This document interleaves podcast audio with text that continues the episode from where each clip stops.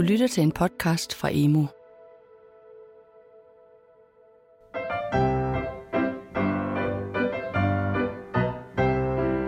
Du lytter til podcastserien Gymnasielyd, produceret af de gymnasiale læringskonsulenter i Undervisningsministeriet. Vi er Paul Bridgewater og Mette Møller Jørgensen.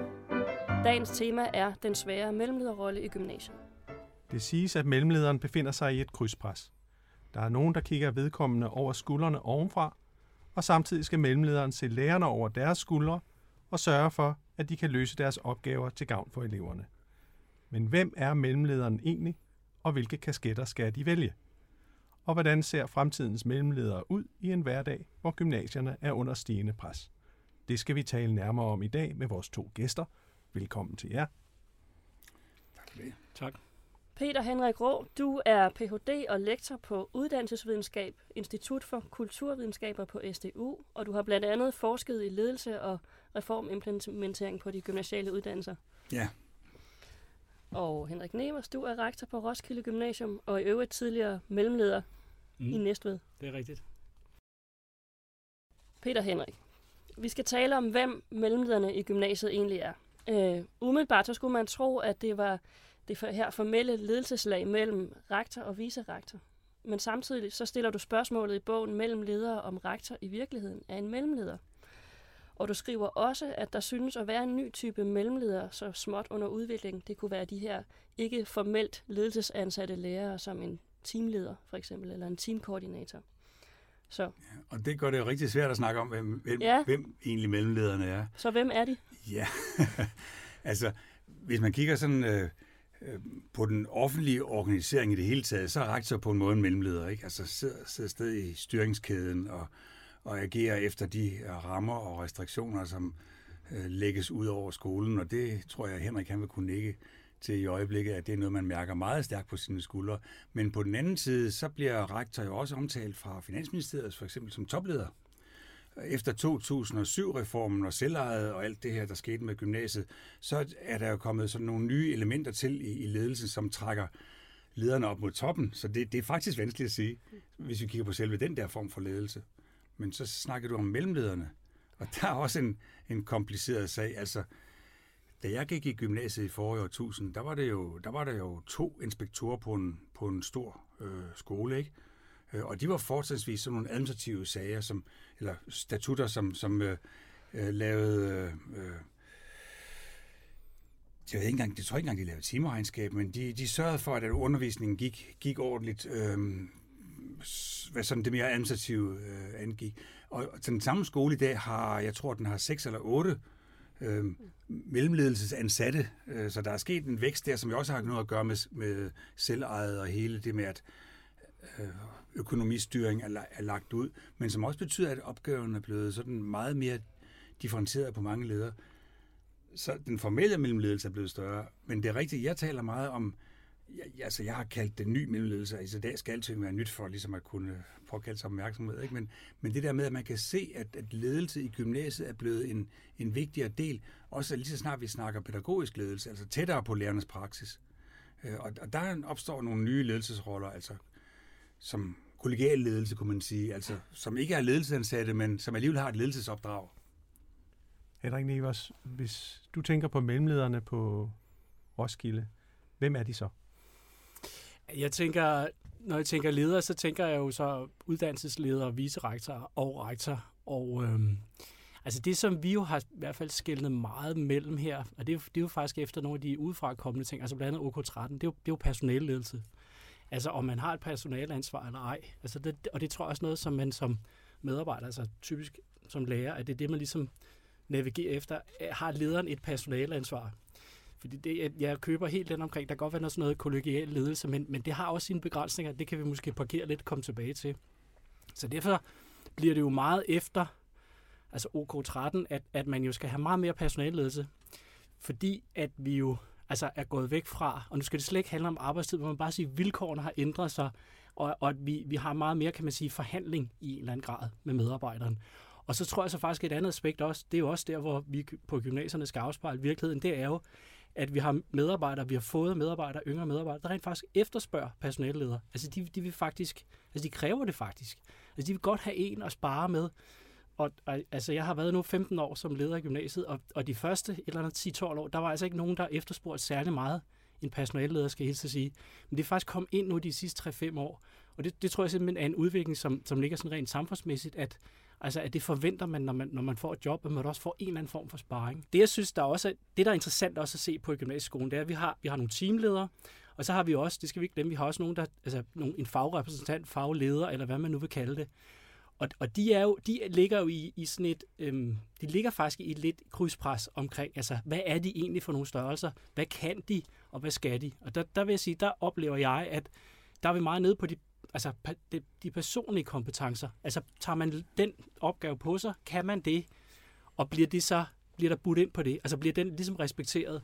Og der er vi, der er vi jo et eller andet sted, men der, der bliver det, det bliver den fremmeste blandt lige mænd i faggruppen. Team, teamet, det kan vi måske gemme lidt. Det, det er sådan lidt mere betændt, hvad, hvad teamlederen egentlig kan og skal og sådan noget. Men, men der ligger, altså i mellemlederdiskussionen her, der er virkelig noget gods her. Og det er den, jeg synes, det er den del af det, jeg synes, der er interessant. Altså det, jeg vil sige, de, de mellemledere, som er anbragt i det, jeg sådan lidt polemisk skulle kalde vækstlaget. Ja, og det er ja, jo den type, ja, ja. du siger, de er ja. ikke formelle. Nej. De er ikke formelt udnævnt, eller det er nok, de er nok formelt udnævnt, men de er ikke personalansvar. Nej, det har ja. vi ikke. Præcis.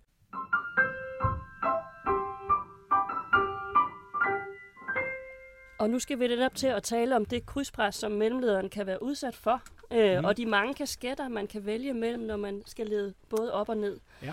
Øh, og det handler om, hvordan visionerne kan mødes med virkeligheden, og også hvordan læreridentiteten og ledelsesidentiteten kan mm. mødes i de forskellige roller, både i forhold til den enkelte øh, lærer og mm. i forhold til eleverne. Bag ved dig, Peter Henrik, der er der en række kasketter på hattehylden. Hatte og kasketter, faktisk. Øhm, og hvis mellemlederen skal have en bestemt kasket på, hvilken en af disse vil du vælge? Og hvad for en mellemleder tager du nu om, Poul? Mm-hmm. Vi tager en uddannelsesleder. En uddannelsesleder. Med personaleansvar, men dog under vicerektor og rektor. Mm, nej, det synes jeg er svært. Jeg tror nok, jeg vil tage den der... Hvis det sådan er en kaptajnskasket, det her, ja. men, men der er lidt meget guld kan du beskrive den i øjeblikket? Ja, altså der, det er sådan en, en hvidpullet, øh, hedder det ikke det? Du kan prøve at tage den på. Ja. Jeg tror ikke, den passer mig så godt. det passer mig så godt. den er perfekt. men der er lidt meget guld på den. Men, men det, det, jeg hæfter mig ved nu, det er den der formaliserede ledelse. Øh, og, og det, er jo, det er jo uddannelseslederen eller kvalitetschef eller sådan noget, som har et, en, en, en formaliseret organisation at støtte sig til. Så jeg synes ikke, krydspresset er Selvfølgelig er krydspresset, krydspresset der, og jeg ved også, at mange mærker det også, men, men øh, det er håndterbart, fordi man har en, en formaliseret organisation at støtte sig op af.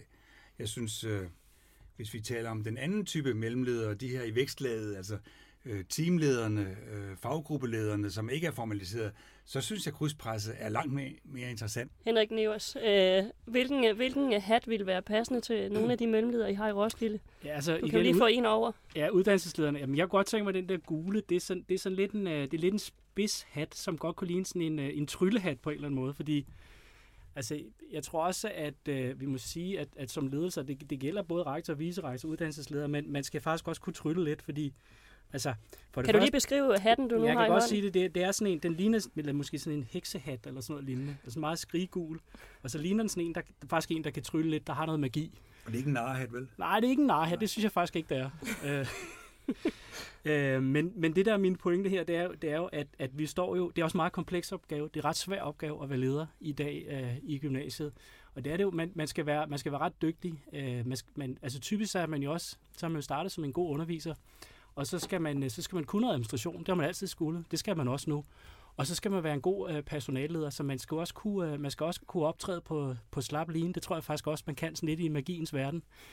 Og, øh, og så skal man kunne, øh, kunne det umulige. Og noget af det umulige, det er jo, at vi skal lave skoleudvikling for færre ressourcer og med et stigende pres og en øget professionalisering, og vi kan jo sådan set nok blive ved derudaf. Og det, det tror jeg, det er der, der er der jo mange af os, der sidder og overvejer. Altså, hvor er det lige, altså, hvor er det lige magien i det ligger? Altså, hvor er det, vi kan, vi, vi kan trylle lidt? Fordi det, det skal ikke være nogen hemmelighed, der ude på en skole i øjeblikket, at det, det er jo svært med en ene hånd at komme og sige til folk, at du skal lige undervise lidt mere, og så skal vi også lige have øh, et udviklingsperspektiv, som sprøjter det ud af. Altså, vi har jo også en øh, styrthjelm på hylden. Jeg ved ikke, om det Nå, var en, det der... er en amerikansk fodboldhjelm, er det ikke det? Sådan, altså, det der er virkelig sådan, den beskytter virkelig mod de tæv, man kan få i amerikansk Ja. fodbold. Og Ja. den fik jeg øje på, da du nævnte det her, fordi Ja. Det er jo en anden side af det, man skal have en bred ryg. Det skal man. Ja. Ja. Så på den måde bliver man samtidig håndlanger, håndlanger for nogen, og nogle Ja. interesser, som man ikke selv kan identificere sig med, og det er man Ja. nødt til som professionel. Ja. Stefan Hermann, rektor på øh, Professionshøjskolen, har sagt, at samarbejde ikke er koordinering og fælles værdier, men det er en kontaktsport. Ja. Bare lige for at blive på styrthjelmen der. Ja, ja. Ja.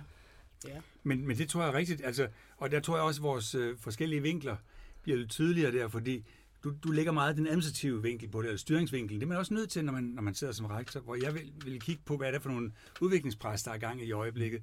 Og der tror jeg lige præcis, det med kontaktsporten er, er rigtigt. Altså, det kan også være den, at den her hjelm, vi havde Kan, på- kan I beskrive den lidt Den- klarere? Ja, altså, fordi, Altså, det er jo sådan en, en uh, amerikansk fodbold, fodboldhjelm, hvor man kan sige, at, uh, at uh, udover at den beskytter ned over ørerne, der er et lille hul til ørerne, men uh, man kan godt forestille sig, at det kunne være svært at høre en gang imellem, for det, og det er måske en meget god idé. Men derudover så er der et stort gitter foran øh, selve ansigtet, som skal tage alle de der øh, kajerøster, man kunne få i forløbet. Og på den måde kan man godt sige, at det er kontaktsport, ikke? Øh, men jeg ser også det som kontaktsport på en lidt anden måde. Det er en kontaktsport omkring, hvad, hvad, fagdi- hvad didaktik er og fagdidaktik er, øh, som jo er en svær sag på et, et gymnasium med, hvor mange forskellige fag er det. Jeg kan ikke engang tælle dem, men, men der er rigtig mange fag mange. og mange forskellige fakulteters tænkemåder indblandet. det er måske en ny måde at tænke hatte på. Altså, hatte bliver tit defineret som de roller, du får, når du får hatten på. Og det, du er inde på, Peter Henrik, det er, at det handler mere om det, du har gang i, når du dyrker den sport, eller den interaktion mellem mennesker, der er, når du er i gang med amerikansk fodbold og har sådan en hjelm. Det kunne lede os frem til det, det sidste hattesæt, som vi gerne vil have på banen her. Peter Henrik, det kan være, du lige vil tage dem ned fra mellemlederens kaskethylde. De to, dem øh, her? ja. Øh, vi har taget sådan to ens kasketter med fra samme øh, klub, ja. fordi vi også tænker, at en mellemleder vel er en holdspiller. Mm. En Og kan teamspiller, der kan spille lærerne gode. Det handler om at have de samme hatte på ja. og være med i en klub. Men, men det, det kan jeg godt se for mig. Øhm, og jeg tror egentlig på den måde, så er det der med, med sportsfiskerne øh, meget velvalgt, fordi et, et sportfiskerforbund, tror jeg, der, der, det, det er en anden form for holdmentalitet end amerikansk fodbold. Der skal man godt nok være sammentømret som team, man går efter nogle aftalte spilmønstre og andet. Sportsfiskerne er så mere, lidt mere individualister, og, og den der sådan, øh, det der med at kunne håndtere sådan en samling individualister, det tror jeg, det er en, en typisk mellemlederopgave Ja. på, på en skole. Men samtidig så kan man jo sige, at, at det med selvejet og det med, at strategi er blevet en del af, mm. af hverdagen, betyder jo, at der er nogle delikate balancer der. Og det synes jeg er noget af det, der er rigtig interessant, også sådan i nyere teorier om, om, øh, om øh, strategisk udvikling, at man har fået øje på det her med, at det her med at gå i, i altså have fælles fodslag, det betyder faktisk ikke så meget. Men, men det der med at kunne lave mange forskellige øh, udviklingsprojekter ved siden af hinanden, og så blandt dem vælge noget ud, som ser ud til at, at kunne, altså mere sådan løst koblet, Ja. som man kalder det, øh, Ja. tilgang til en, en organisationsforståelse. Så, så den her, at, at være team, det er jo sådan en, en, en sjov, altså det er ikke det, det, det fast tømrede team, men det er sådan et mere løst team, vil jeg sige. Mm.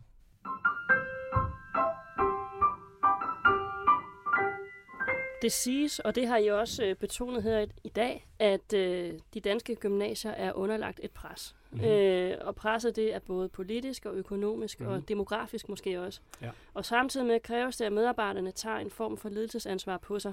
Hvad er fremtidsudsigterne for gymnasieledelse? Altså fremtidsudsigterne er jo, øh, at vi øh, står med en sektor, som jeg tror vil forandre sig. Jeg tror faktisk, det vil forandre sig lidt mere, end vi egentlig går og tror. Altså jeg tror, der er sparet meget hvad kan man sige, energi op, hvis man nu kan bruge det udtryk. Det kan både være, det kan være en politisk energi, men der er også, der ligger nogle, nogle, nogle energier ude i samfundet, hvad man nu skal kalde det, nogle bevægelser. Altså vi ser noget af det der vandring fra land til by, øh, at man som ung menneske faktisk godt vil rejse for at komme hen på det rigtige øh, gymnasium, den rigtige skole. Og, og som sagt, der er nogle områder i Danmark, der, der er bare ikke unge mennesker. Og samtidig så ser vi også en styring af den offentlige sektor, som, altså, hvor man jo er meget opmærksom på at øh, altså, få det drevet meget, kan man sige, med, med, med så, så få omkostninger som muligt. Plus der også, der også ligger et krav omkring, at vi øger kvaliteten hele tiden. Og, øh, og, og det, giver, det sætter gymnasiet under pres, og det, det giver jo, at det giver det, at vi skal være rigtig gode ledere. Altså, det er der ikke nogen tvivl om, og der er rigtig mange ting, som vi skal kunne. Og det er jo det der med tryllehatten, jeg havde før. Altså, noget af det nærmer sig næsten, at vi skal kunne noget, noget, noget sort magi for, for at løse det her. Øhm, det, som jeg så synes, der kan være positivt, det er, at at vi kommer lidt mere på sporet af noget, at have lidt mere, sådan, lidt mere evidensbaseret, fordi vi faktisk har det omkring data. Altså vi, vi kan faktisk se nogle, nogle billeder, som vi ikke rigtig har, vi har i hvert fald ikke forholdt os til det før. Altså, og, og det kan jeg egentlig meget godt lide, at vi, øhm, altså når vi ser, hvordan eleverne klarer sig i, øh, i forskellige opgaver til eksamen på forskellige måder, at så, så kan vi faktisk også tale om det på en kvalificeret måde. Altså at man for eksempel, når man har haft et hold til eksamen i dansk, at vi så, når hvad var det for en opgave, de besvarede osv., og hvad, hvad kan vi gøre bedre, hvad er det for nogle fejl, de laver. Og den, den der systematik, den, den synes jeg faktisk, der må vi også kigge lidt ind af, den har vi faktisk ikke rigtig haft før som tradition i gymnasieskolen. Det synes jeg er en mulighed. Men, men gentager det bare, jeg, jeg tror, at gymnasieskolen vil ændre sig. Altså, jeg tror, vi vil se større institutioner, færre institutioner, og dermed jo også, så kommer der nok også flere øh, ledelseslag, og måske risikoen er jo en topledelse, der kommer, efter min mening, for langt væk fra elever og undervisere. Og måske, som nogen siger, kommer vi til at se en professionalisering af ledelsesrollen, sådan at rektor måske ikke længere er den fremmeste blandt lige mænd, men er en, en ja. uddannet leder, Peter Henrik. Men det, det tror jeg er rigtigt. Altså, jeg vil lige gribe fat i det sidste, Henrik siger der. Altså, jeg er også selv nu er man jo som øh, universitetsansat sådan rigtig lønnet for at være bekymret, ikke? og jeg er bekymret lidt for den der øh, udvikling, der sker hen mod de der store organisationer, ja. hvor vi allerede nu kan se, at der er meget stor forskel på måden at se på ledelser på i de her store koncerner, som for eksempel erhvervsskolerne, men også de campusdannelser, der sker her, og hvor der sker en, en voldsom differentiering af, hvad ledelse er. Mm. Og der har du ret i, at der, der er en tendens til, at, at jo længere man kommer væk, jo mere professionaliseret bliver man ja. i en særlig måde at forstå ja. professionaliseret på. Hvor jeg gerne ville forstå professionaliseret som en, en ledelse, som var, eller en leder, som var didaktisk professionaliseret også. Så kan man se, der er en, som er professionaliseret sådan inden for, man kunne sige, hele det offentlige ledelsesområde. Øh, og, og det kunne jeg godt være lidt nervøs ved, og som ikke har på den måde sans for de, mm. den, øh, de kerneydelser, mm. som, som nu, nu gymnasiet er sat til at, at vogte. Eller, Ja, det, det er meget enig. Altså, det bliver sådan lidt policymaker, i stedet for, at man faktisk er nede omkring, øh, hvad kan man sige, altså kerneydelsen undervisning af unge mennesker. Ikke?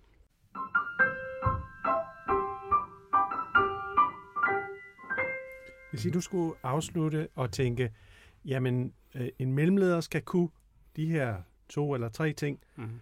Øh, de skal kunne holde de næste 10 år i en forandringstid. Mm. Hvad er det så, du vil sige, Henrik? Hvad mm. tænker du, en mellemleder skal kunne? Jamen altså, det kan, det kan jeg godt sige meget klart. Jeg har, har også øh, ansat uh, mellemledere de sidste par år, og, og der er ikke nogen tvivl omkring, altså man, man skal kunne optræde på slap line. Det skal man kunne. Altså man skal kunne... Uh, man skal kunne kommunikere, og man skal kunne uh, stå for presset, og det er den der med styrthjelm, ishockeyhjelmen, ikke? og så skal man være en god personalleder. Og til sidst, så sidder man jo stadigvæk med noget administrativt. Det skal man også kunne. Og det er heller ikke blevet nemmere. Så det, er det, der, det ligger der i hvert fald i det. Altså, jeg vil jo pege på det der udviklingspres, der ligger nu, og så vil jeg pege på, at det som mellemlederne, altså de formelle mellemledere, øh, skole, øh, hvad hedder de, uddannelseslederne i dag, kan få lidt af, det synes jeg, det er faktisk, og det er sjovt, det kommer fra mig som beskæftiger som organisation og ledelse, det er didaktik. Jeg synes, det med at kunne tænde lærerne på en, en didaktisk udfordring, altså, og der tænker jeg sådan de der didaktiske grund, grundkategorier, altså, hvad udfordrer unge mennesker i dag? Altså, hvad, hvad, hvordan, hvordan laver vi forløb, som udfordrer dem? Øh, og gå i spidsen for sådan nogle projekter. Øh, og sådan en professionalisering vil jeg, øh, vil jeg foreslå sådan i retning af, at det at kunne håndtere projekter som en del af arbejdet.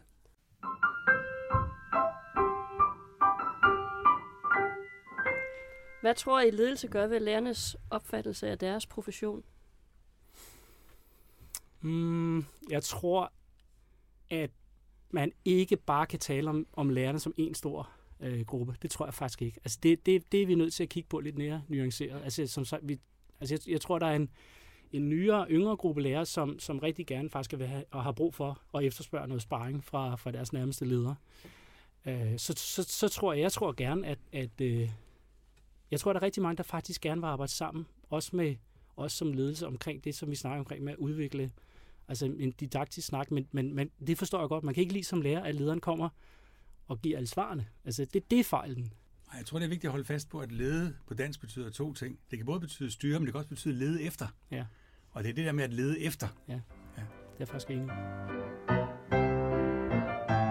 Mellemlederen har fortsat en del kasketter at vælge imellem. Tak til vores to gæster, Peter Henrik Rå fra Syddansk Universitet og Henrik Nevers fra Roskilde Gymnasium. Du har lyttet til podcastserien Gymnasielyd. Udsendelserne er produceret af de gymnasiale læringskonsulenter Paul Bridgewater og Mette Møller Jørgensen. Dorte Palle er producent.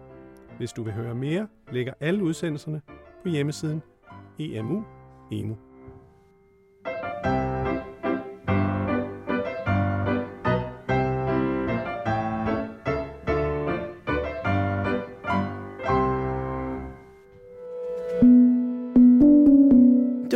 til en podcast fra Emo. Find mere viden og inspiration på emo.dk.